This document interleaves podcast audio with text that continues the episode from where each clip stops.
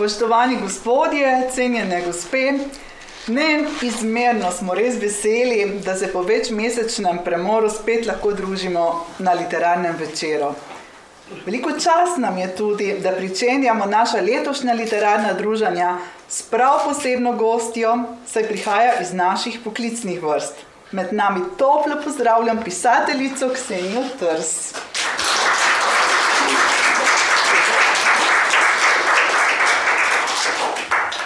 Ksenijo Trs, knjižničari poznamo kot kolegico knjižničarko, ki že vrsto let nadvse srčno opravlja svoje delo na bibliobusu Mariborske knjižnice. Neizmerno ima rada svoje delo, knjige in ljudi, naj se so to bralci ali obiskovalci knjižnice na koleso ali pa vsi ostali. Za svojo dolgoletno predano delovanje in posebnih zaslug pri popularizaciji knjižničarstva krepitvi ogleda knjižničarjev, knjižnic in knjižničarske stroke, je v lanskem letu prijela najvišjo državno priznanje na področju knjižničarstva, to je Čopovo priznanje. Po tej priložnosti iskrene čestitke k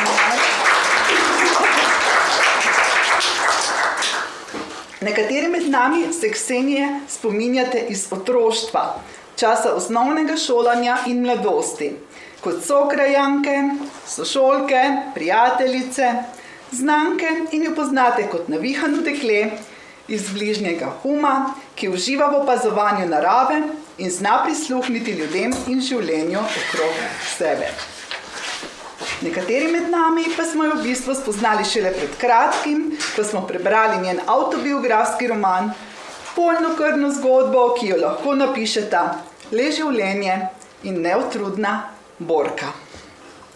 Njen autobiografski prvenec z naslovom Kdo se boji črnega moža je zgodba polna zabavnih dogodivščin, a tudi žalostna zgodba, polna bolečine, pa vendar podana z veliko mero humorja, da je bralec ne odloži zlahka iz rok.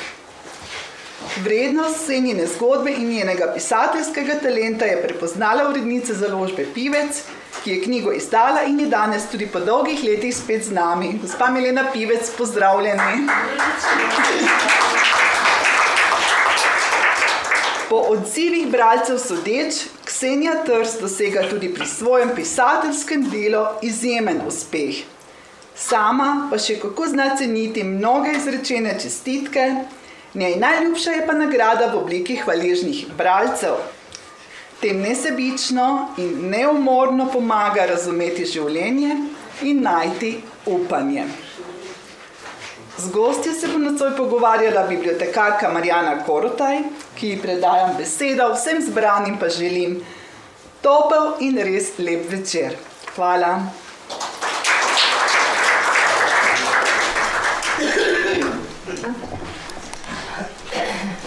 Ja, hvala. Eh, pridružujem se v imenu vas vseh, tudi se pridružujemo čestitkam eh, Ksenije Trza Jeto Čopovo priznanje in vas seveda lepo pozdravljamo med nami. Hvala.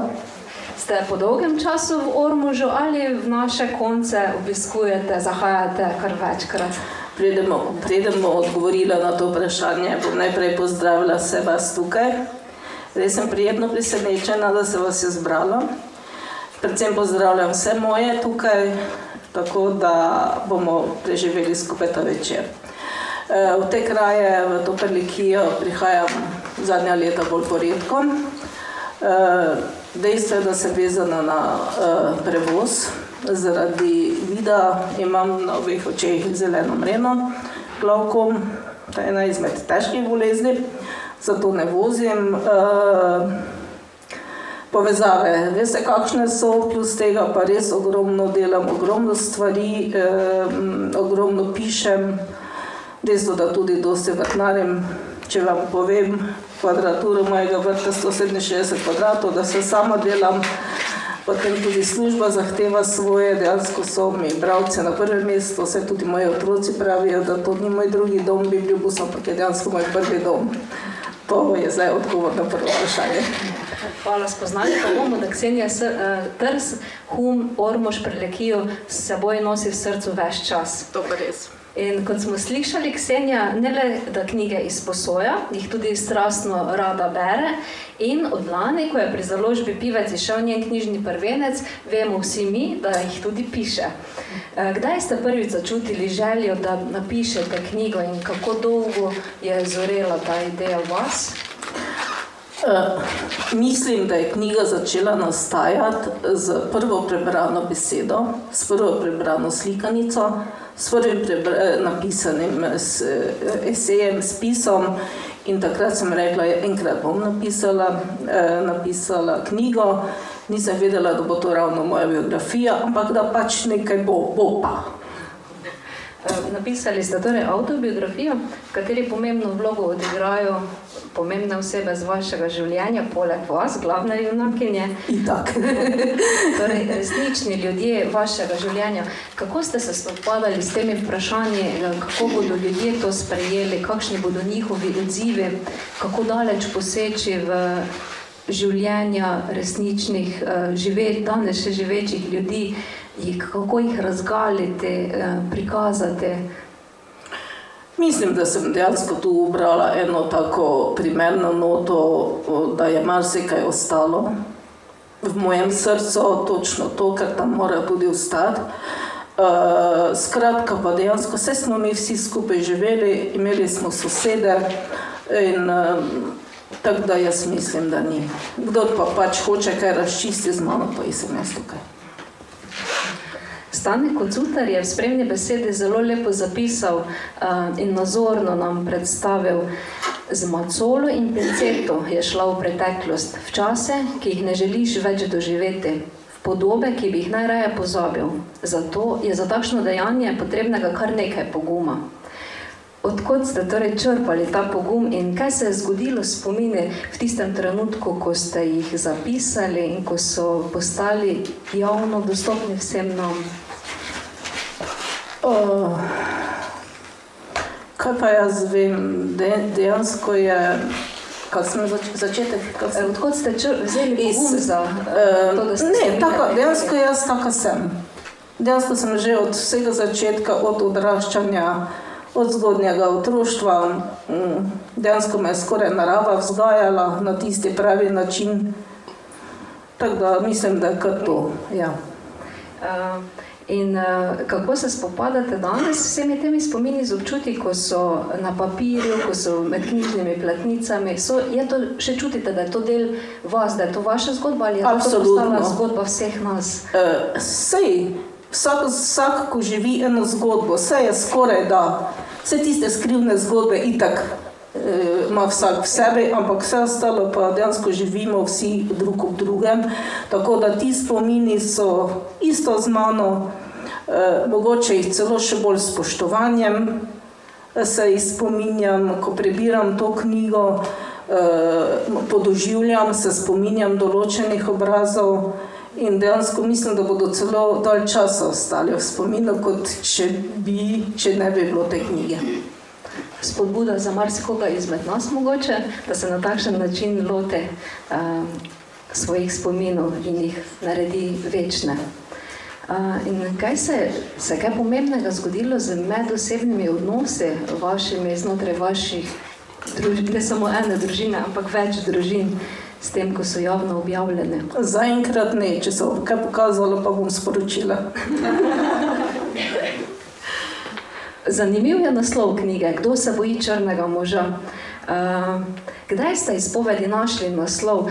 Seveda vse nas spomni takoj na tisto otroško igro, kdo se boji črnega moža.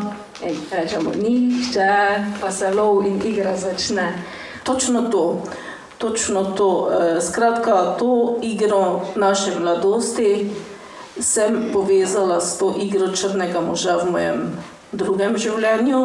Hkrati sem v tej prvi igri nekje našla sporednico, to igro, prva brez nasilja, druga z nasiljem.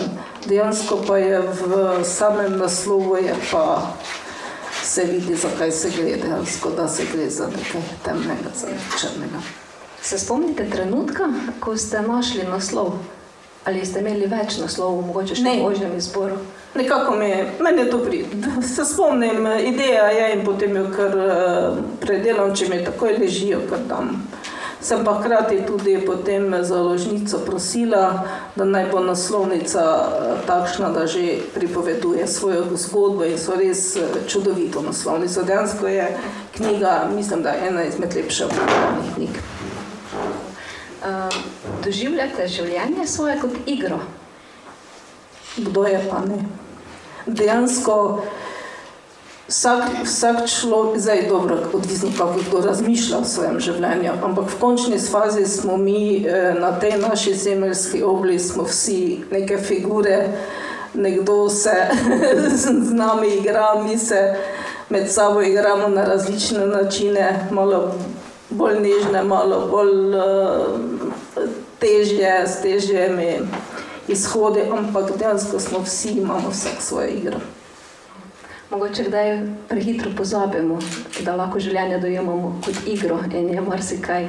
Preveč, ja, ja, ja, preveč je, preveč. Dejansko ne smemo, vse se dogajajo hude stvari, res se dogajajo, ampak enostavno takrat ne smemo obupati. Ne smemo dovoliti, da sovražimo. Ne smemo se začeti samega sebe pomilovati. Ker če se nas to dotakne, potem lahko samo zdrsimo proti dnu, ostanemo tam in se ne poberemo. Se zapisali še marsikatero misel danes globoko v srce. Pripoved začnete kronološko z vašim spočetjem, vašim rojstvom, molitvijo in kletvijo vaše matere. Kdo vam je bil glavni vir informacij preko pričevanja, koga ste vašo mamo spoznali tistem, iz tistega obdobja vašega uh, spočetja, še pred rojstvom? Uh, Marsikaj mi je stara mama povedala, se dejansko nič ni skrivalo.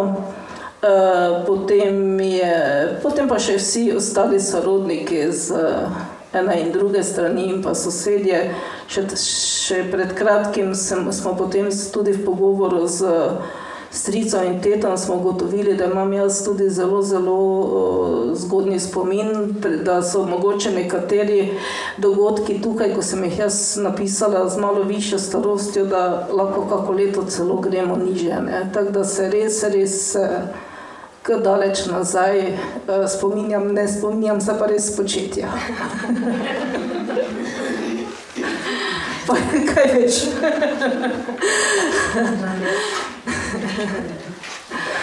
Svojega očeta pa zelo hudomušno predstavite v knjigi. Je stric Atek, poštar Mirko, ki je poleg pošte po svojem rajonu še trosil in raznašal svoje seme. Ja. In on je za vas pomembna oseba, stric Atek, ki ima dve kobili, pupo in bebo. In že v zelo zgodnjem otroštvu se podate na pot iskanja očeta, ki je doma. Kaj mislite o svojih starših? Danes. Če zdaj jaz to nazaj malo razmislim o tem, jaz glede na to, kako sem sedaj, da, sem, da imam tisto delo, ko mi je loterija življenja, da se polnim baterije, redki so tisti, ki so zadovoljni tako s svojim delom. Uh, je mogoče celo prav tako, da se je to zgodilo, kot se je. Bog ve, kje, na kakšen način in kakšna bi bila, če bi bila moj ata pa moja mama skupaj. Ne vem. vem.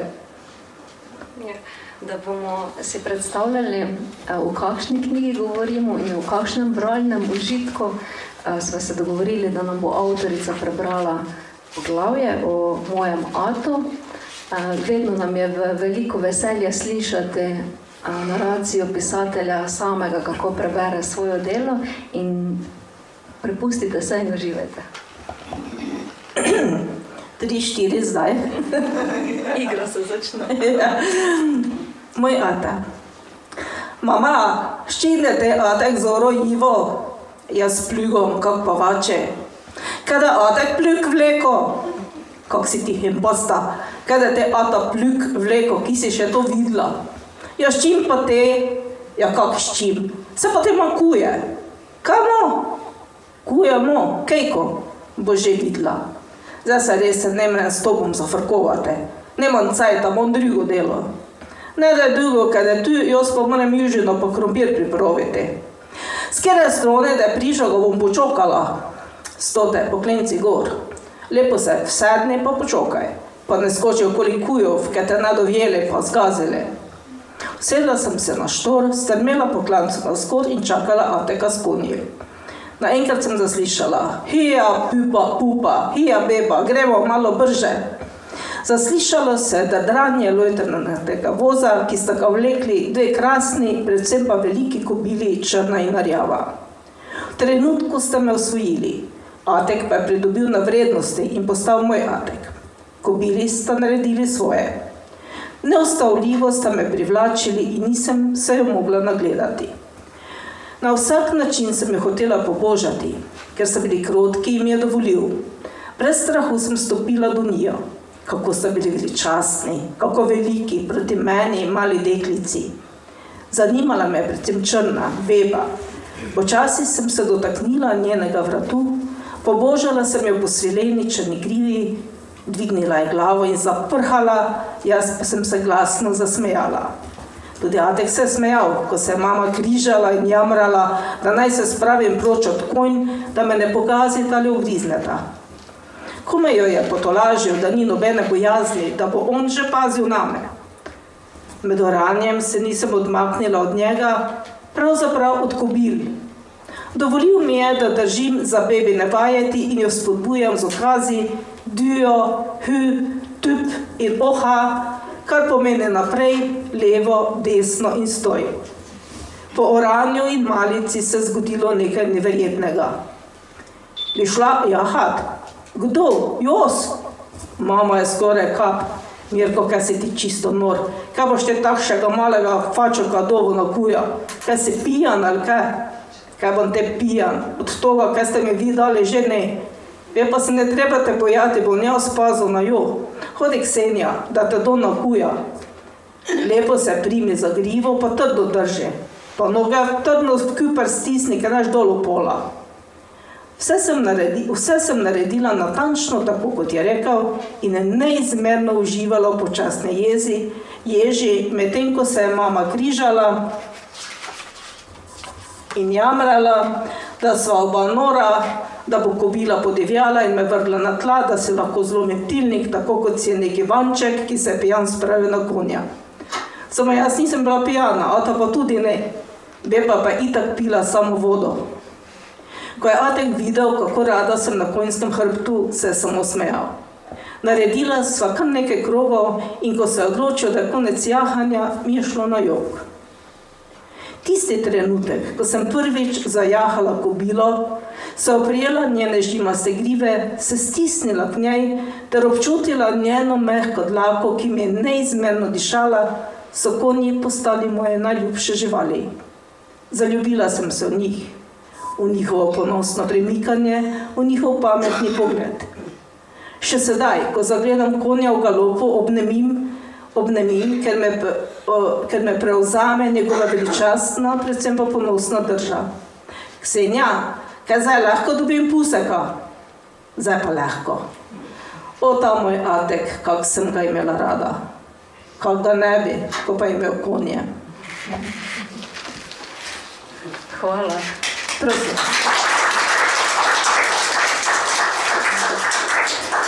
Boris, je bilo tako, sem pomešala kobile? Dobro. Torej, poleg te otroške ljubezni in zagledanosti v Ateka smo spoznali tudi Ksenjino ljubezen do živali, do narave in pa še zelo pomembno ljubezen do jezika, do prleščine. Uh, zdi se mi dobra priložnost, da spregovorimo o prleščini. V knjigi, predvsem v prvem delu, um, jo tako milo in zvočno zapišete. Pa me zanima, vam še danes, ko živite v Mariboru, um, je prleščina vaš materni jezik. Uh, v svojem zasebnem življenju govorite še vedno prleško? Ne, ne govorim in je zelo zanimivo je, da jaz prleščine zelo dolgo nisem uporabljala. Mogoče, ko sem prišla na obisk tukaj sem, ne, ampak v samem Mariboru ne. Eh, dejansko sem jo, Srečko Nidorfer, žal pokojni, novinar, je dejansko kriv, da sem jo nekako začela uporabljati in sicer na Facebooku smo se v prleščini malo pričkala, včasih spominjala pa tako dalje. In potem, ko sem se jaz odločila, da napišem knjigo, se mi je zdelo nekje primerno, da vnesem no te izraze, so kar prihajale. Ker eh, je pa res, da dejansko jaz nisem čisto krvna prlečka, bi lahko rekli, ker eh, po stari mami, po, po starem, eh, se pravi po mami in po ati, ate jaz sem tu gor izpod boča, iz Maribora, medtem ko po očetovi strani pa je tukaj eh, prlekija, ne, obronki teh slovenskih goric. Sicer pa vse pravijo, da, da za vsako narečje, eh, da se tudi spreminja od, od plota do plota. To velja predvsem se mi zdi za prekuščino pa prleščino. In uh, narečje dejansko, narečja morajo biti. Nareč, narečja so naš materni jezik. Dejansko požlahnijo to našo Slovenijo, vse te naše pokrajine in je prav, da ne pozabimo na njih. Zelo dobro ste jo uh, zapisali um, in ste jo lepo mi je um, zapisano tudi v uh, strani založbe v prleščini, pa bi kar prebrala, da se zapomnimo, kako pomembna je. Uh, posebnost zgodbe je lahkotno vključevanje prleške govorice v pripoved, predvsem v dialogih. Kot bi jo avtorica hotela uporabiti za mehko blazino, ki blaži krutosti in udarce resničnosti in ki ob enem kljub vsem preizkušnjam pomaga ohranjati življenjsko radost in vedrino. Lepo je, neko lahko jezik pomaga. Lepo je, res je, pa še, fajn je. Pa dobro vam gre. ja, hvala. No, pa se vrnemo k moškim. Uh, m, pomembno moški krojijo vaše življenje, uh, čigovo pa ne. ne. uh, kdaj ste se dejansko začeli zavedati pomena njihove vloge v vašem življenju? Očeta, naprimer, ki je bil odsoten, zdaj v knjigi sprašujete, kaj sploh dela Atek. In potem eh, starega očeta, ki vam je dejansko nadomestil Ateka in vas je imel neizmerno rad, um, vaš stari Ata, pa potem še tisti en tretji moški v vašem življenju, uh, stari ded, mislim, dedek po očetovi strani, ki pa je bil mrk, hladen, nezainteresiran za vas. No, skratka, mogoče, eh, kar se tiče očetove vloge, mogoče ne bi eh, dala toliko prednosti, če ga ne bi pogrešala, ker je pač bil odsoten. Ne? Um, ostale sem pa pač sprejela, so pač prišli v moje življenje, naredili v njem, me sprejeli, me niso sprejeli. Bile so malo manj prijetne stvari, pa tudi prijetne stvari, ampak v končni fazi so me izoblikovale. Ampak med temi tremi moškimi z vašega zgodnjega otroštva um, ste najbrž nobenega niste bali, ni od teh treh bil mož, ki bi se ga lahko bali. Uh, pri enem je bil sicer prisotna nelagodnost, ampak dejstvo je, da sem jaz že bila od samega, pomaž, od samega rojstva samo svoja, totalno. eh, Zmeraj sem šla, gremo mi po svoje, pa tako dalje. Ne? Tako da sem tudi potem to nekako prebrodila. Ja, pa v končni fazi sem tudi tistega zadnjega. Do njega še pridemo. Ja. Uh, ob svojem starem avtu ste se uh, naučili te očetovske ljubezni, hkrati pa ste ob njem že zelo zgodaj, pri vaših petih ali šest, šestih letih, se soočili s smrtjo. Uh, kako ste doživljali njegovo smrt? Uh, danes je med veči, v večini, večinah družin um, vse pred otroci smrt tabu tema in nekako um, skušajo prihraniti to bolečino izgube ja, bližnjih. ja, ja. Vi pa ste imeli konkretno zelo blisko izkušnjo s smrtjo. Mislim, da v današnjem času precej podcenjujemo otroke. Da zmorejo dosti več in če bi se z njimi pogovarjali o teh stvarih, stvarih bi tudi dosti lažje določene situacije sprejemali v življenju. Ne? Jaz sem smrt, eh, takšna kot se je zgodila, dejansko sem jo sprejela kot pač del življenja. Dokler niso Dokler nisem videla, da zabijajo žreblje v krsto, Še dejansko nisem niti po mojem dojela, da je umrl. Takrat me je pa zaskrbelo, kako bo on sploh lahko dihal, če ga bodo za, ne, kako bo. Starjata in njegova beba. Mene je starjata klical beba, tako da je to to. Spomini na starega očeta so jasni, močni, izostreni. Čas jim ni vzel ničesar, kvečjemu je kaj dodal. Masteno Jakob, plešast, manjše, malce zgrbljene suhljate postave, temne brčice pod nosom ter okrogla očala v stilu Dolfeja. Majhen, tečen, siten, nergal možicel, vsaj do tretjega kozarčka, ko je postal še nadležen kot stenica in zloben. Do stare mame. A ga je znala okrotiti. Kako ne? S svojimi 130 kilami ga je otišala, da ni upal več glasno pisniti, kaj šele raz, razgrajati. Če bi se že usedla na njega, bi ga lahko utišala, za zmeraj. Potem je za mizo na dvorišču čemel kot kupček nesreče in se smilil samemu sebi. Pogovarjal se je s kurami, s psom kužejem, klico je cenceka, malega tečnega petelina, ki je naskakoval vse, kar se mu je pustilo. Če malo pomislim, sta si bila s cencekom malo podobna, oba majhna, nergava, stari Ata sicer ni nikogar naskakoval, je pa bil tečen kot cencek. Lahko je bil jezen na, na cel svet, tečen kot driska, ko pa je zagledal mene, sem me obraz razjasnil. Moja beba me je zmeraj nežno poklical, me prijel za roko, jo pestoval in me gledal. Takrat za me ni obstajal nišče drug. Za me je naredil vse, kar sem si zaželela, če le bilo v njegovi moči. Vidiš, to ta hiža, pa to ti dvor, pa to ti vrt, pa to ti sadovjok, to te brajde, pa to ta jiva, pa tista šuma tom, jo vidiš, tom, ki so trije kostaji, pa to ti breg tu dol, vse to je tvojo. Ne da si se klotila okoli po sveti, pa nišče ne da gučo, ker nič nemaš. Tvoji mami Fridi pa Tinki sem že itak povedal. Nič mi ni bilo jasno, zakaj mi je to venomer ponavlja, saj itak vem, da je vse moje, če pa lahko dirjam naokrog po mili volji.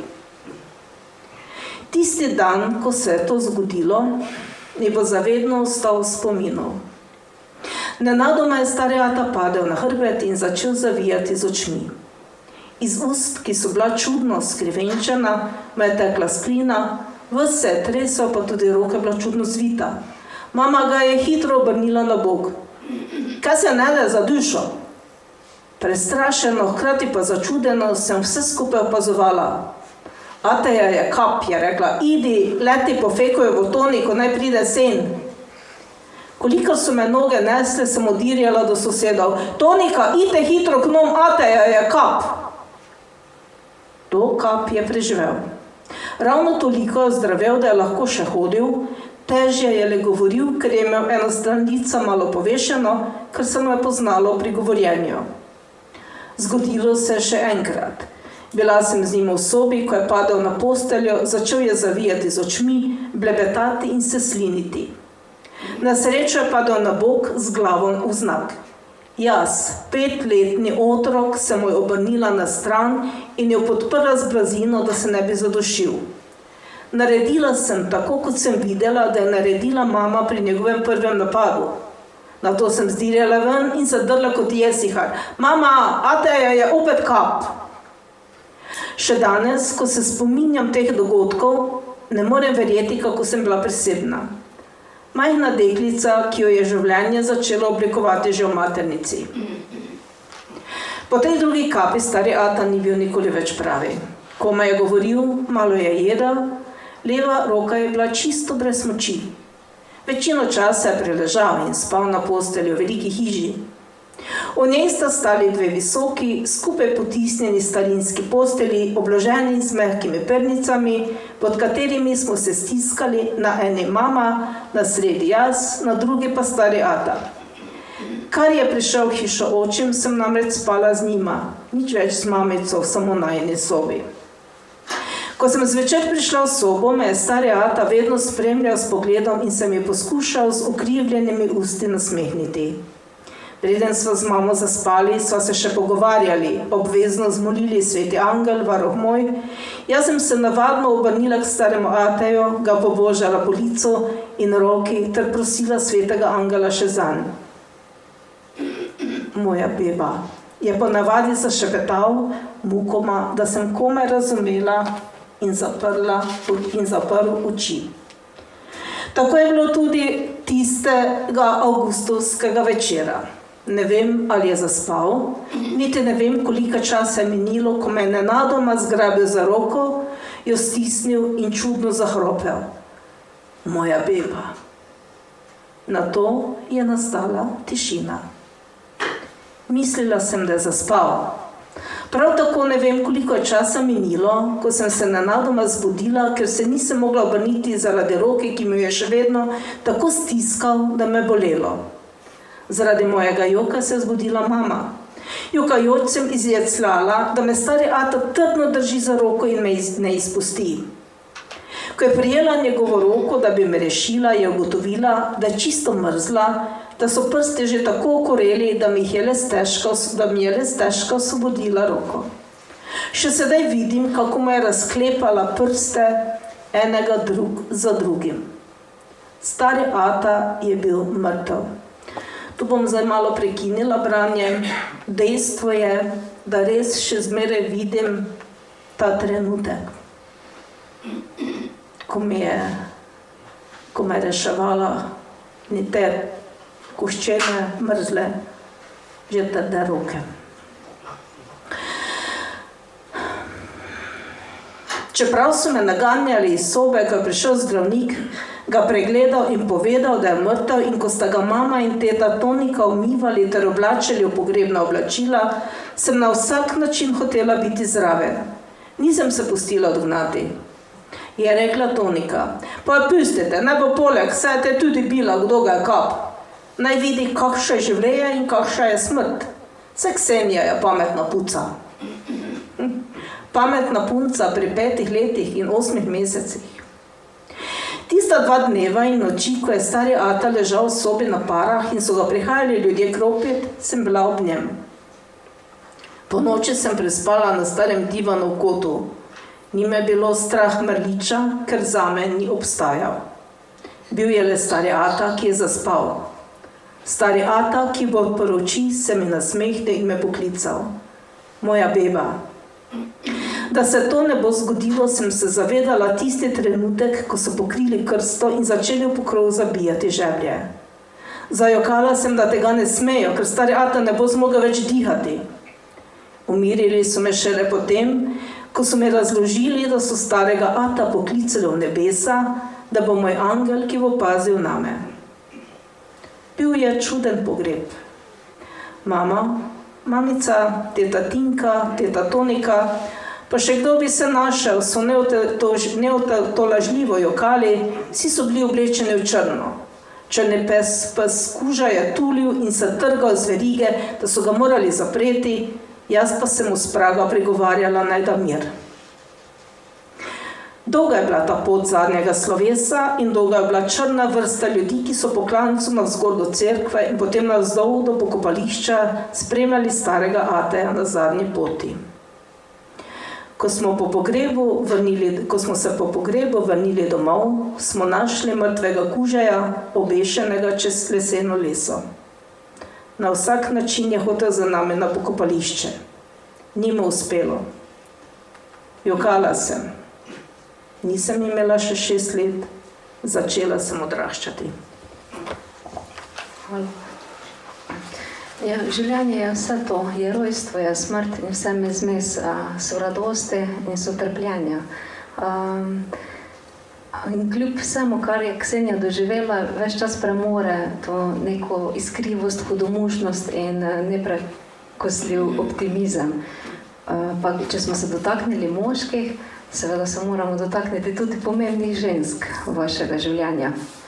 Zaslutili smo že močno mamo, ne samo po 130 kg, ampak tudi po karakterju in po uh, veselju in želji doživljenja. Potem uh, vaša Ja. mamica, um, ki pa je v določenem obdobju zelo zgodnjega otroštva, a si ustvarila novo družino, v kateri za vas ni bilo prostora. Žal ne. Je bilo um, za vas to traumatizirajoče, um, se čutili jezo, krivdo? Kako ste se spopadali s temi čustvi, um, medtem ko ste pisali knjigo? Tu je bilo malo težje. Ja, predvsem, predvsem je bilo težko, ko sem opisovala tisti čas, ko je bila mama v bolnici v Mariboru. Ko sem jo obiskovala vsak dan, ker sem pač rekla, da če se niso smeli prej srečevati, jo bom pa sedaj obiskovala. To je bilo težje. Ostalo kot otrok, ko mi je mamica takrat rekla, da ostala boš zraven mame, enkrat bom prišla pote, dobro. Dejansko sem to pač vzela kot sem, se je tudi dejansko non-stop prihajala, odhajala zjutraj, zvečer in sem pač vzela. To. Um, ste pa na svoji poti iskanja očeta spoznali tudi uh, svojo drugo družino, uh, Mačeho, Mačeho in pol sestre. Ja, tako, pa pol brata. Najprej, po, najprej mačeho in pa, pa babico, ja. Najprej na njivi, ker sem dejansko sama šla iskat svojega ateja. Sloven noben ni imel res to, kljub temu, da sem jih opozarjala in sem tam nekaj, kar zgodnje otroštvo. Pa sej za malega otroka ni bilo, je bilo kar daleč. Ne, Ja. še vse. Kaj. Zelo lepo se mi je zdelo, eh, kako napišete v knjigi. Mm, Jemala sem se sama, kar mi je otroško srce narekovalo, da bi moralo imeti, da mi pripada. Ja, točno to. Točno tako dejansko sem s tisto, kar se mi je zdelo, da mi pripada, sem pač se vzela. Naj si bo to Adekovo koleno, naj se bo to narava, naj se bo to sosedovo dvorišče. Dejansko moji sosedje, ko sem jaz kot otrok, dejansko nikoli niso vedeli, kdaj se bom prikazala na dvorišču njihovem. Eh, Takrat tudi vse njihove kokoše, pa porani, pa to niso imeli miru. Eh, Pa ne samo to, ko sem se jaz utrudila, sem pač poiskala prvo sobo s posteljo in se kar pri sosedi spravila spat. Eže, konč to.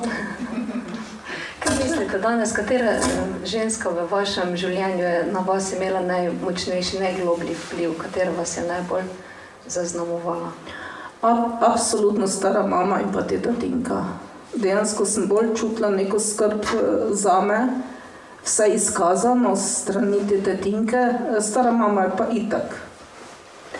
In ona ni pokazala, jaz, jaz ne spominjam se, da bi me objela. Ne spominjam se, da bi mi rekla, rada te imam. Enostavno pa sem čutila, da jo skrbi za me, pa da bi me rada vzgojila, da bi nekoč iz mene nekaj postalo. Kljub temu, da je rekla, me je zmeraj odvračala od knjig, češ, da knjige mi ne bodo prinesle kruha, ampak dejansko naj se naučim delati da bodo roke tiste, ki me bodo nahranile skozi življenje. Ne?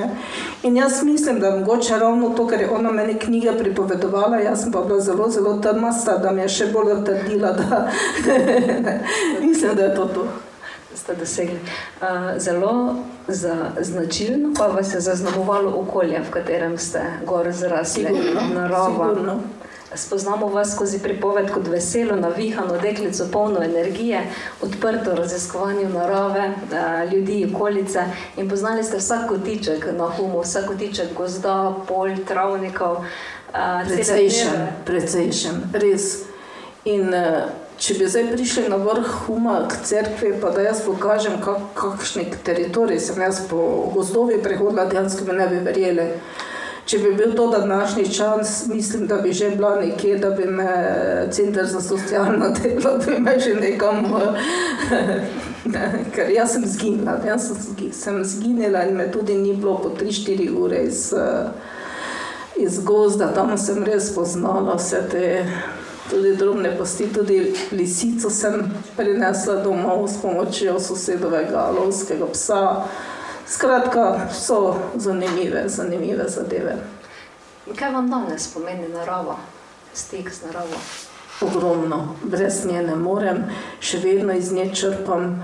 Jaz, ko se zjutraj stanem, enostavno pri meni ni slišati radija, nič jaz dejansko odprem, odprem okno, sicer imam tako isto in uh, ravno tam pod mojim oknom je drevo in to se sliši s ptiče petje in, in ko jaz grem od doma, jaz vidim vse, pa tudi ko se vozim z Biblijo busu, pa čeprav vsak 14 dni prihajamo v isti kraj ob isti uri, eh, Jaz na vsakem novinku vidim ne, nekaj novega, nekaj starega, skratka, ja, ogromno.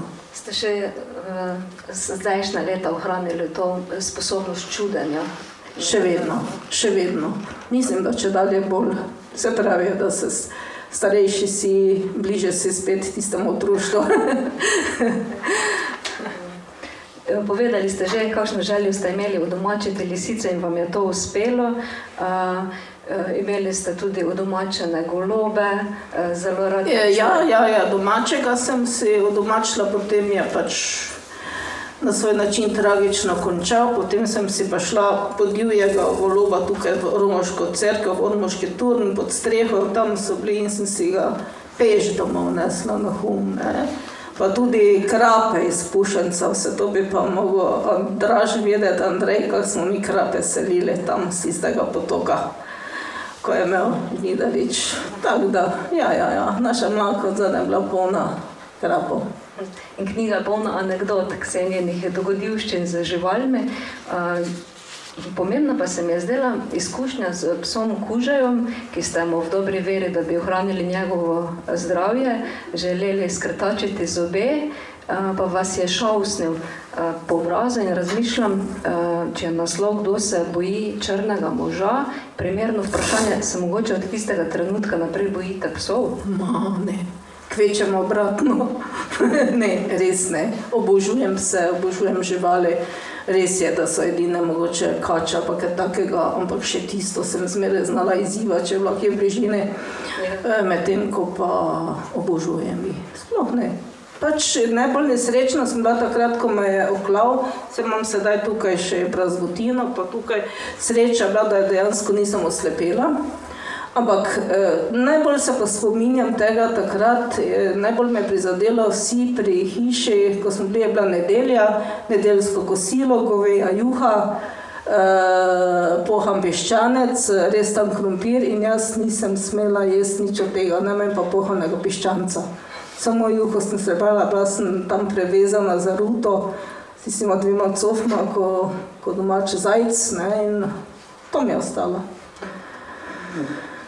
Res potrdimo besede, uh, uvodoma izrečene, da tako knjigo, tako življenje lahko živi le močna ženska borka, z anekdote v anekdoto to dokazujete in to vašo trmoglavost, to vašo raziskovanje narave, izzivanje usode ni moglo izbiti iz vas niti to, da se je vedno končalo s tepežom.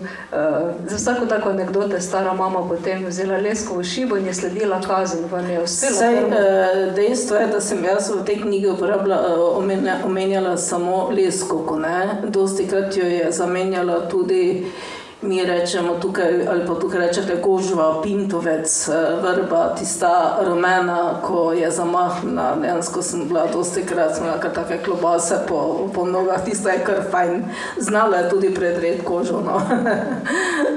Sej, sej pa žensko se pa za mene, kaj čem drugega, no. Kaj se mi vse ustvarjala, ne. Še brez zavese čipka ste ostala. Glej ki si še videl teta tam nekomu prinese z Švice. Ribiško mrežo vsak, teta ne nosi čokolado Švice, ne pa ribiško mrežo. Kakšno je vaše mnenje o takšnem načinu vzgajanja otrok?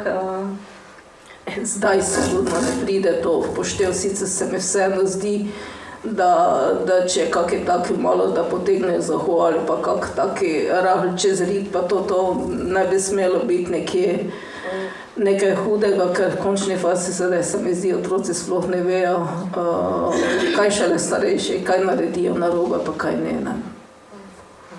Uh, slišali smo že odlomek, ko se mala Ksenija sooči z odraščanjem. Uh, pomemben preobrat v vašem otroškem življenju je tudi vstop v šolo, v osnovno, na humo, potem v, za otroka zelo oddaljenem ormužu, ki jo mora doseči, prepešačiti.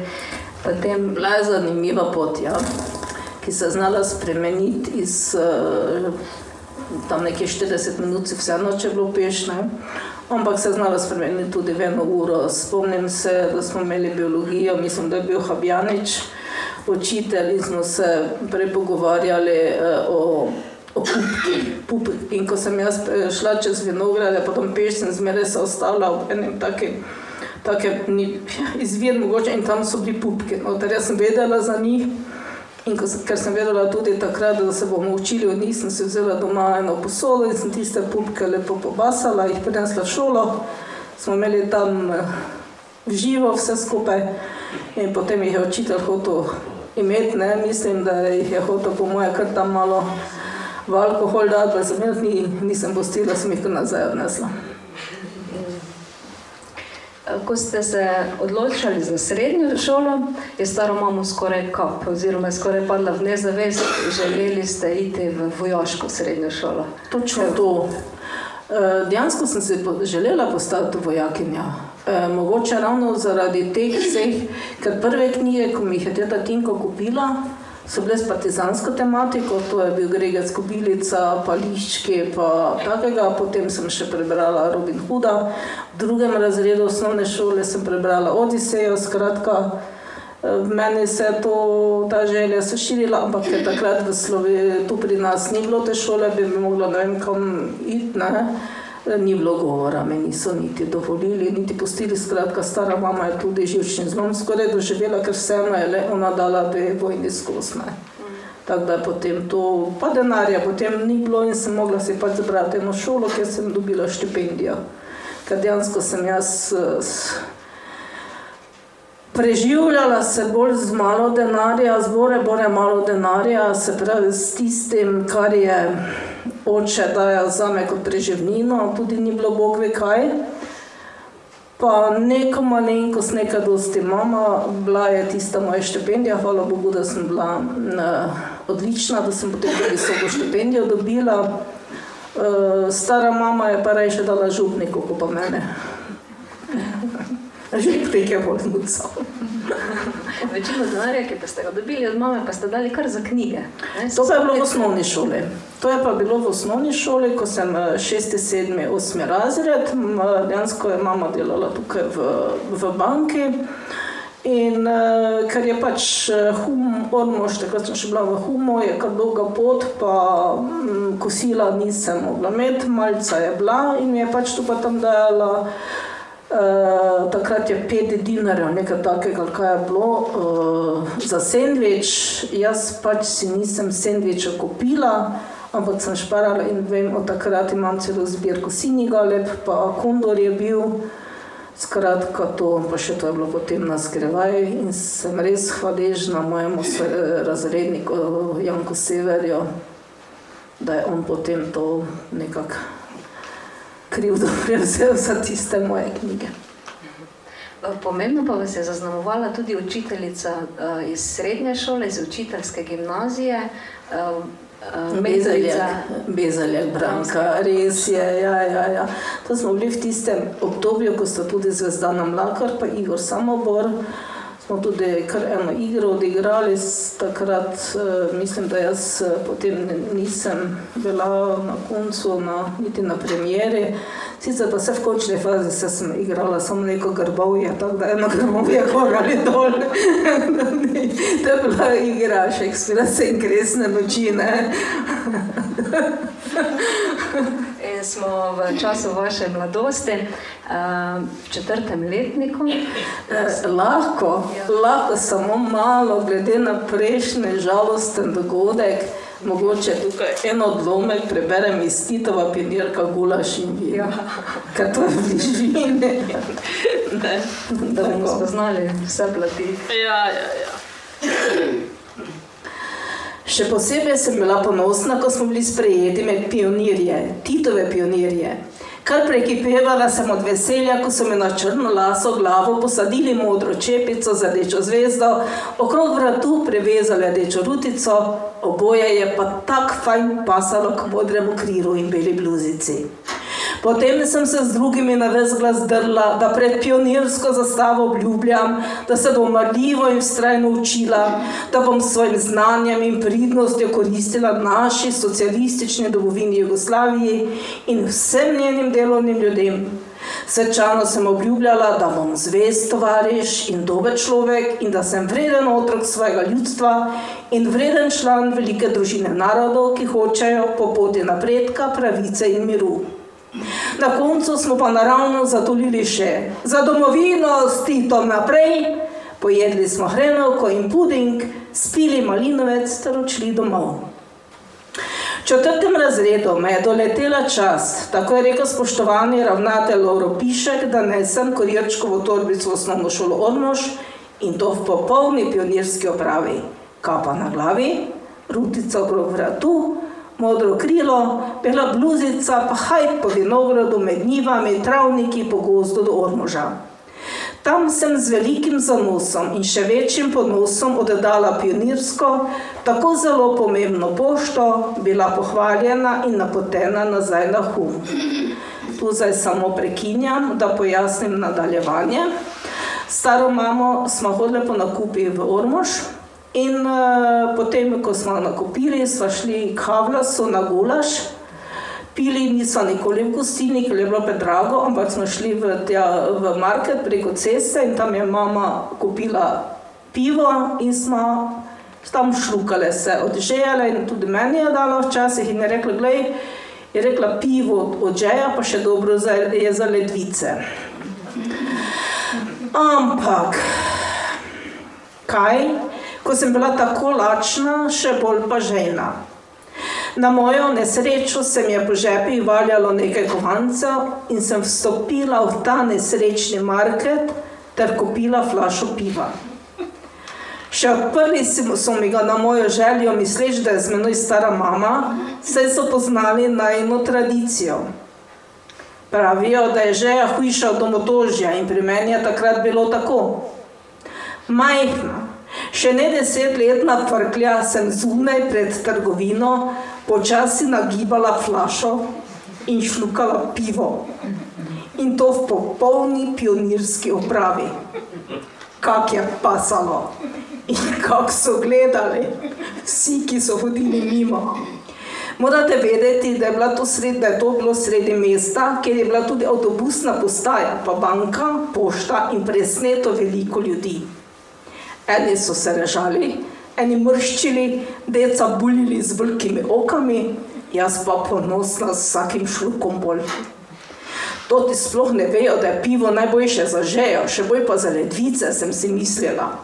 Flašo spraznila do samega podna in jo eforično s pionirsko zaobljubo v sebi obrala skoraj po zračni liniji proti umu. Epilog je bil po vzorcu, da dober glas seže v deveto vas, slab pa v deveto deželo in slab me je kaj hitro dohitel in zadonel v ravnateljevih ušesih. Čeprav so bila kosmata, so zelo dobro slišala. Še tisti dan sem bila tepena z dolgim lesenim ravnilom in to pred celim razredom. To zame itak ni bilo najhujše, ampak to, da mi je dal ravnatelj pred vsemi jasno in glasno vedeti, kako sem z svojim nedopustnim ravnanjem onečastila pionirsko prisego, tovariša Tita, mogoče še celotno Jugoslavijo, njega pa še cel razred zraven. Da nisem vredna, da nosim pionirsko pravo, še posebej kapo z rdečo zvezdo da je še tovariša Tita na sceni pribitega sram, ko me dol gleda. Se mene je bilo tudi sram, pa še kako. Samo čakala sem, da se bodo Tito na sceni vsipale solze po licu. Doma sem bila tisti dan še enkrat tepena in to z blagoslovljeno leskovko. Ker je bila takrat crkva strogo ločena od države, se mi zdi danes z političnega stališča nespremljivo, da je bila leskovka blagoslovljena ne bi smela biti. Vedenje pa sem imela takrat tri. Mislim, da je edina v šoli. Odkud ta vaš prisrčen humor, da veste na svoje uh, življenje, na svoje dogodivščine, boleče, pogledati z takšne vedre plati? In to pa mislim, da je dediščina mojega očeta. Poštna strica. Ja, ja, ja, strica Ateka, on je taki zajeban bil. Mislim, da ja. Mislim, da ja. Pa tako fajn je, če se imaš dobro. Pa tako paše, če se lahko smejiš, pa to pomar si komu gre na živce. Ja, počasi Niste se- opazili, koliko krat so, so se drugi, ko se ne znajo smejati, prav nelagodno se počutijo v, v druščini. Jaz pa uživam. ful. Prišli smo do prelomnega obdobja v vašem življenju, kot tudi v knjigi, v čas mladosti. Zelo mlada, v četrtem letniku spodate moža, najbrž pa zdaj res tega moža, ki je kriv za naslov, kdo se boji črnega moža, se poročite in zanosite in eh, zgodba se a, prelomi. Mm, Nastopi drugi del knjige, ki je sicer dosti krajši od prvega, je, Je pa močnejši. Je pa močnejši in dobesedno začnete drugi del z besedami: odprla, eh, izbrala sem raj, odprla so se Vrata v pekel. v pekel. Mm, Mož, črni mož zadaja udarce, um, ne samo enega, vedno več. Je to mož, ki se ga je treba bati? Vseh takšnih ljudi, ko izvajajo nasilje nad komerkoli, se treba bati. Ja. Ker dejansko nikoli ne veš, kakš, kaj bo povzročilo, da se lahko to nasilje stopnjuje. Ka, kateri, kakšen je tisti vzhod. Ne, ne konča se lahko, la- lahko se konča na zelo, zelo tragič, tragičen način.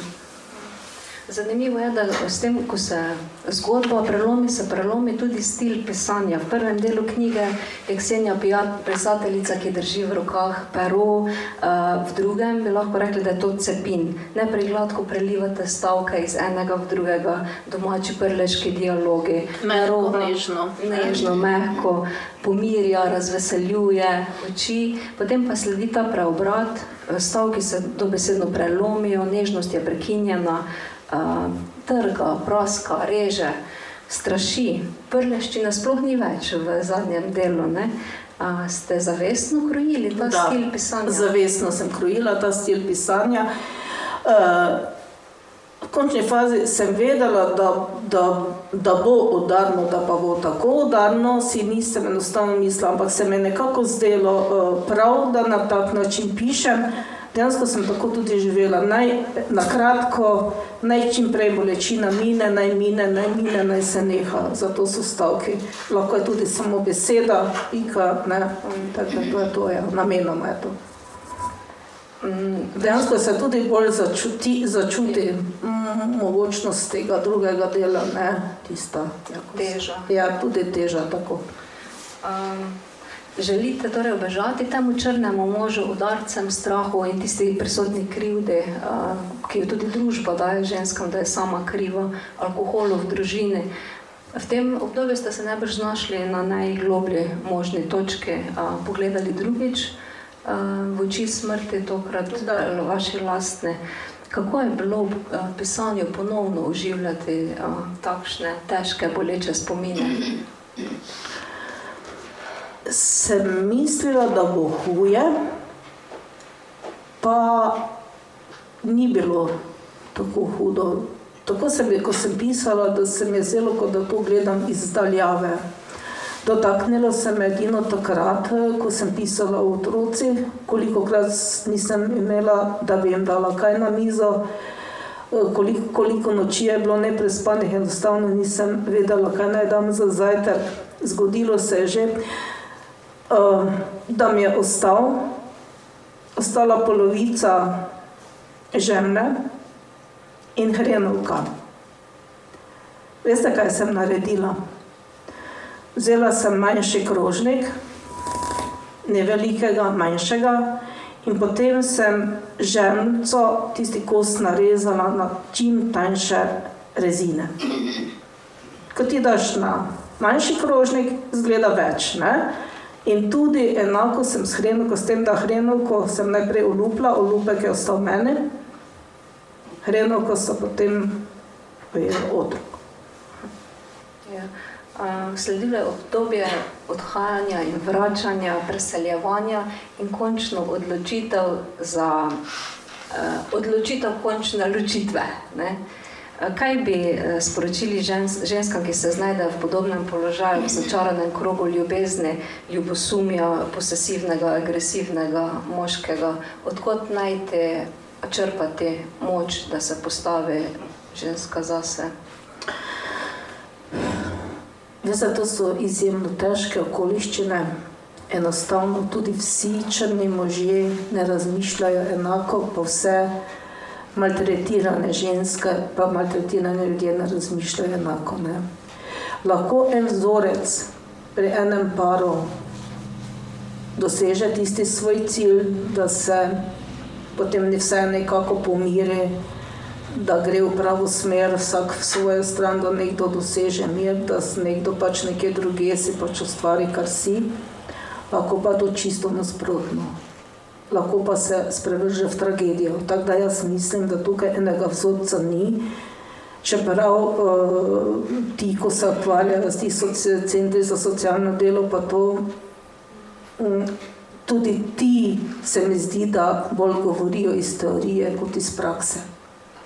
Ker nekdo, ko pa to da skozi, pa dobro ve, da ko se iz tega prebije, da ko preživi in da se postavi na noge finančno, psihično, da je vsega izjemno zmago. In kot sem že prej rekla, prvo načelo je, tudi če ne vem, kako globoko drsiš, ne sovraži, ker potem boš sovražil sebe, boš sovražil druge. Eh, sovraštvo pa je samo grdo prinaša. Ne pomeljuj samega sebe. Vse tisto zdravo, no to je normalno, kdo pa ne, ampak vseeno se čim prej iz tega potegne in pa na vse možne načine iskati uh, izhod iz tega ven.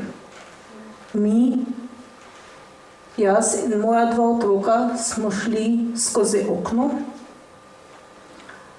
samo z eno koco, s tem, kar smo imeli oblečeno na sebi, brez žlice, brez vilice, brez vsega. Samo to je bilo. Pa veste, kaj mi od tega najbolj? Ne to jaz, ampak tisti otroci. Takrat, ko smo bili lačni, ko so bili lačni, jaz nisem bila. To so bili um, pomembni ljudje, ki so vam pomagali v tem trenutku. Na koga ste se lahko zanesli? Najbolj ironično je to, da mi je pomagal dejansko pobegniti, odpeljati uh, družina kriminalista. Uh, in ti so mi tudi takrat uh, te najnujnejše stvari, spomnim se tistih treh žlic, rekli, da boste jedli kot ljudje. Ne? In eh, to potem pa moji sodelavci v, v službi, v tistem najhujšem trenutku, ker mi morate, smo se selili v roku dveh let, smo se selili osemkrat. Pa ne, da bi bila to pri nas krivda, ampak enostavno so si stanodajalci zmeraj nekaj namislili s tistim svojim stanovanjem, da smo na koncu se mi trije šalili, ne, da zdaj, ko mi gremo, bodo imeli vse očiščeno stanovanje. Ne. Mislim, da je bilo najhuje takrat, ko smo se iz 50 kvadratov preselili v 13 kvadratov. V sobi je bil dvosed, dva elementa, na dvosedu smo trije spali, če se hotel kdo na WC ali se obrniti, ali kakorkoli smo se mogli vsi trije zgoditi, pa se obrniti. Eh, kopalnice ni bilo, bil je samo ena niša noter, ker je bil tako majhen umivalnik, eh, tako da tuširanja, kopanja na tisti pravi način nismo poznali. Upravljali smo tu pa tam, ne vem, poznate pristanišče, pristan, tam so, v Mariboru, tam so bili tudi take dejansko kopalnice, ko si se lahko šel. In ko, smo, ko sem iskala novo stanovanje, ko smo iz tega, dejansko se je tu lastnica sredi noči prikazala na pragu, da bo stanovanje hoče nazaj.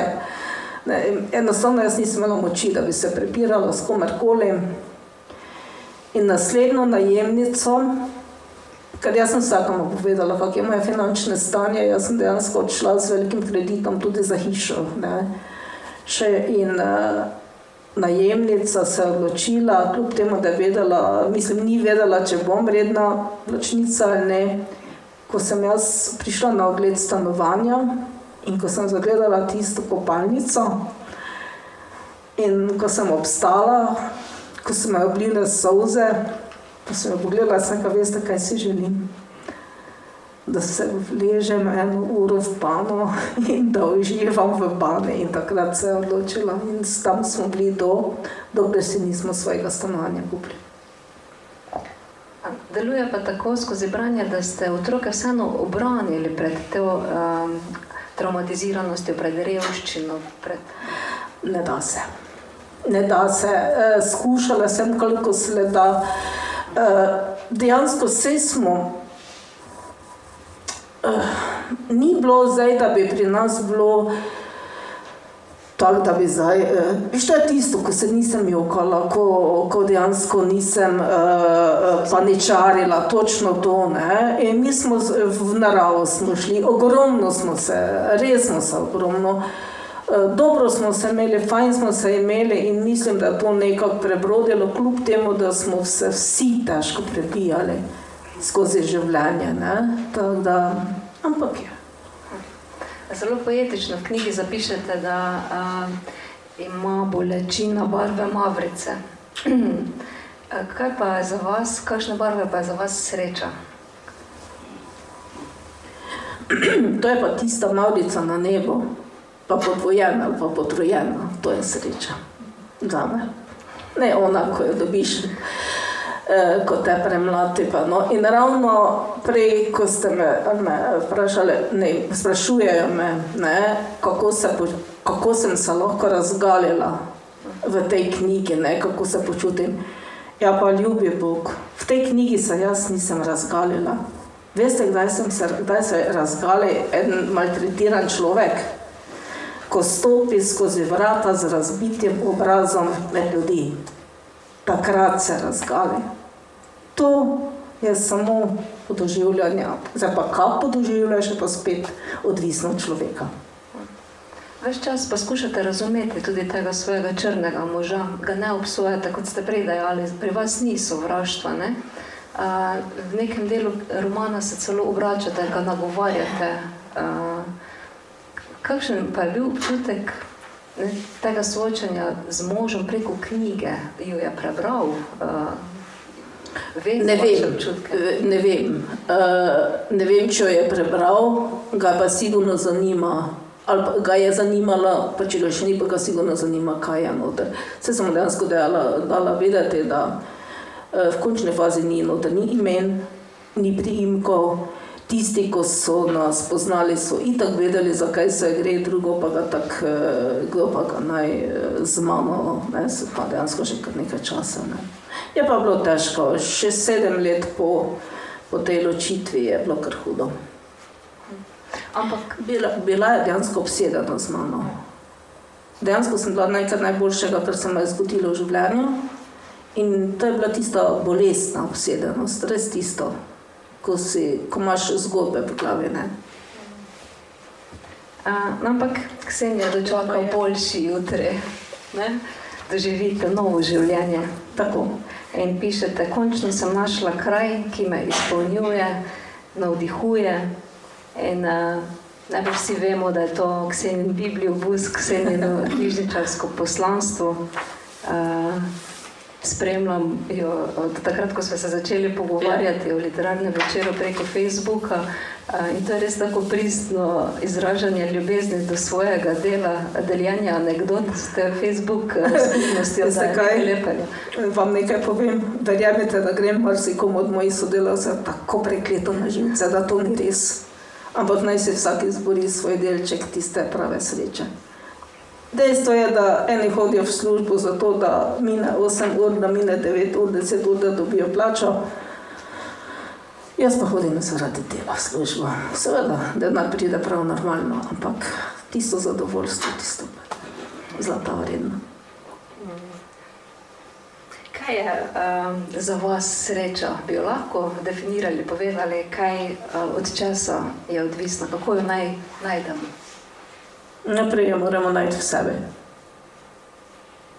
Če je v sebi ne najdemo, če mi nismo sami s seboj zadovoljni, tudi druge ne bomo videli. In ne samo to, da bom, bomo mi nesrečni še delali, bomo nesrečni tisto, ko so okrog nas. Zame, zame je sreča dejansko srečni otroci. E, to delo, ko ga rad upravljaš, pa hodirja naj, naj bodo čim bolj srečni vsi okrog tebe. Ne pa to, kar se sedaj dogaja. Ne. Pa enostavno jih moramo, ne smemo segati po nečem večjem. Dejansko moramo biti tako, ni, ni to neka fraza, bodi z malim zadovoljen. Ker če si ti znaš v malem najti nekaj lepega, nekaj sreče, potem boš tudi gradil na široko, pa v višino. Torej, svojo življenjsko prepovedjo slišali smo, prepričali se smo polno težkih preizkušenj, pa vseeno bralcem predajate optimizem, začinite težave z neko mero humorja. Kako vam uspeva? Kaj je za vas najpomembnejše, da ohranjate to svojo vedrino, pristnost, optimističnost? Ja, kaj te češ, takšna pač sem. Blago ta, ta sem. Ja, če prijem jutro v kopalnico, pa v preč pegl, pa če malo čudno zgledam, in kdo te si ti tam not. Taka sem, gled. O, ja se znam biti namerkodena. O, pa še kak znam zabinteti, ampak pol res mora biti en vzrok, ne. Vse sem škorpion, tisti pa pravi. Brez skrbi. Pa še prlečka, pa tako dalje. To je tako mešanica, ko recimo kis pa soda bi karbona v trenutke. Našli ste svojo poslanstvo, svoj prostor, Biblijo, buso, srečo. Kaj pa ljubezen? Ste našli tisto ljubezen, ki jo v knjigi iščete? Sem. Sem kratko je drnato, nič več ne bomo izvedeli. No, bilo jih je kar nekaj, ne je tako. In ko sem se zjutraj zbudila, ni bilo, ne, je vse. Lepo, da ja. vam od srca privoščimo. Potem lahko za eh, še in ravno tako prijateljstvo, dejansko vsi potrebujemo prijatelje. Ženske, moške, obojne, nekoga, na katerega se lahko zaneseš nekoga, ko veš, da obstaja za te in da ti obstajaš tudi za njim. Da gre tukaj za sprejemanje in dajanje, ne samo za jemanje, jemanje, ker to je potem daleč od sreče. Ne? In temu prijateljstvu sem potem jaz tudi napisala eno pesem, kot tudi pesmi pišem, in je kar prebrala, potem bomo nadaljevali. Če odidem prej, me ne pozabi. Prihajaj kot doslej, kot ti bo čas dopuščal. Pridi s steklenico in kozarcem in zdravico na najne dobre stare čase. Če odidem prej, me ne pozabi. Ob meni se usedi in se pogovarja z mano, kot doslej. Kako si mi povej, kaj na duši ti leži? Tiho te bom poslušala. Ko boš odhajal, še enkrat kozarec v zemlji, in nama na zdravi, prijatelj moj, za vse večne čase.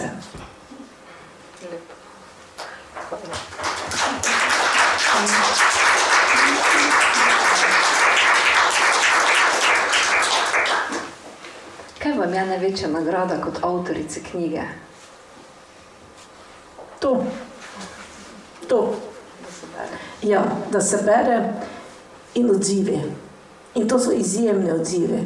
Res, uh, veste, bom samo en primer povedala. Je prišla gospa, bravka, ko bere samo kriminalke. Noče nobene druge knjige, samo kriminalke, kriminalke, kriminalke. In ona mene nikoli ne, ni pomenovala, ne? niti knjižničarka, niti ksenja, sprejema vse tako, ampak kriminalke, ok, v redu. In jaz si vseeno, boste poskusili s to mojo. No ja, če že mora biti, pač bom, ne. In včeraj jo je prinesla nazaj, kot svetinjo je država. Me gledala, jokala in je rekla, Ksenija, Je rekla, jasno, od prvega lista skoraj do zadnjega lista jokala. Od veselja, pa od žalosti. In me je objela res tisto, kar je bila tako freh, objela. In to, to je taka nagrada. Da. Seveda vam privoščimo tudi čopovo priznanje, najvišje stanovsko a, nagrado, kot je uvodoma a, direktorica povedala. Kaj pa vam pomeni to prejem takega priznanja? Ogromno. Ogromno. Uh, glejte, jaz res svoje delo upravljam res z vsem srcem. Meni ni žal časa za moje bralce. Moji bralci me imajo skoraj da lahko 24 ur. Ker, ker imajo moj elektronski naslov, ker mi lahko pošljajo na moje telefonsko SMS, ker mi lahko na uh, Facebook stran. Skratka, uh, pustim se izkoriščati z tega vidika. Hkrati pa mi to ogromno pomeni, ker jaz se od svojih bralcev učim. Oni mene nadgrajujejo. Glede, jaz, jaz imam od 2003 nekje zeleno mreno na očeh. To veste, da ni prijetno. Se pravi, jaz ne morem in ne zmorem več toliko brati. Ti pa, če hočeš konkurirati vsem tem popraševanjem, bi moraš biti vseeno razgledan, pa nekaj vedeti. Zato sem pa potem jaz začela, in tako ne samo iz tega vidika, stik, dejansko stkati vezi z bravci. In tako prihaja z različno izobrazbo, z različnim razmišljanjem. In jaz nikoli ne pr, na prvo žogo eno knjigo potisnem, ampak vprašam, kaj koga zanima, katera knjiga je pritegnila, kakšno rečemo tistem in potem jim ponudim. In ko vračajo knjigo, se pogovarjamo o tisti vsebini in tako jaz izvem tudi mnenje, tudi ne samo knjige, tudi bralcev. In potem lahko jaz to tudi malo lepo tudi na druge prenašam, hkrati pa res toliko anekdot, toliko zgodb zvem. In se mislim, da sem ena, iz, mogoče, ena izmed redkih knjižničark, ko sem tudi pred COVID-om, uh, sem rekla, jaz knjige izposojam, podarjam pa objeme in to je to. Lepo. Uh, kaj pa zdaj naprej? Autobiografska knjiga je izdana, sledi še kako nadaljevanje, autobiografija, pišete kaj drugega? Uh, to je končana zgodba. To je res končana zgodba, sem pa tudi končala drugo knjigo, ki je že pri založbi Pivec, to so potujoči utrinki, išla v drugo leto in že sedaj je popraševanje po njej. Tako da to so te anekdote, utrinki, recimo en utrinek lahko povem ko pride Ate z punčko, pa pravi, tam vidi Kleopatra, ne, naslov in pravi, a ti, pravi, kdo je to Kleopatra? In rekel, veš, je rekel, to je pa šefica Egipta. Nekdanja, ne, ja, tako. Lušno, ko me čakamo, da bomo prebirali Super, veselim. vaše naslednja dela in Ja. želimo, da bi bilo še več, tudi pesniško zbirko, kako najbrž pričakujemo. Milena me že opozarja. Milena me že opozarja, ne študiraj na pesmi, ne grejo. Milena se jih bom jaz prodala. Se s tem se tolaži.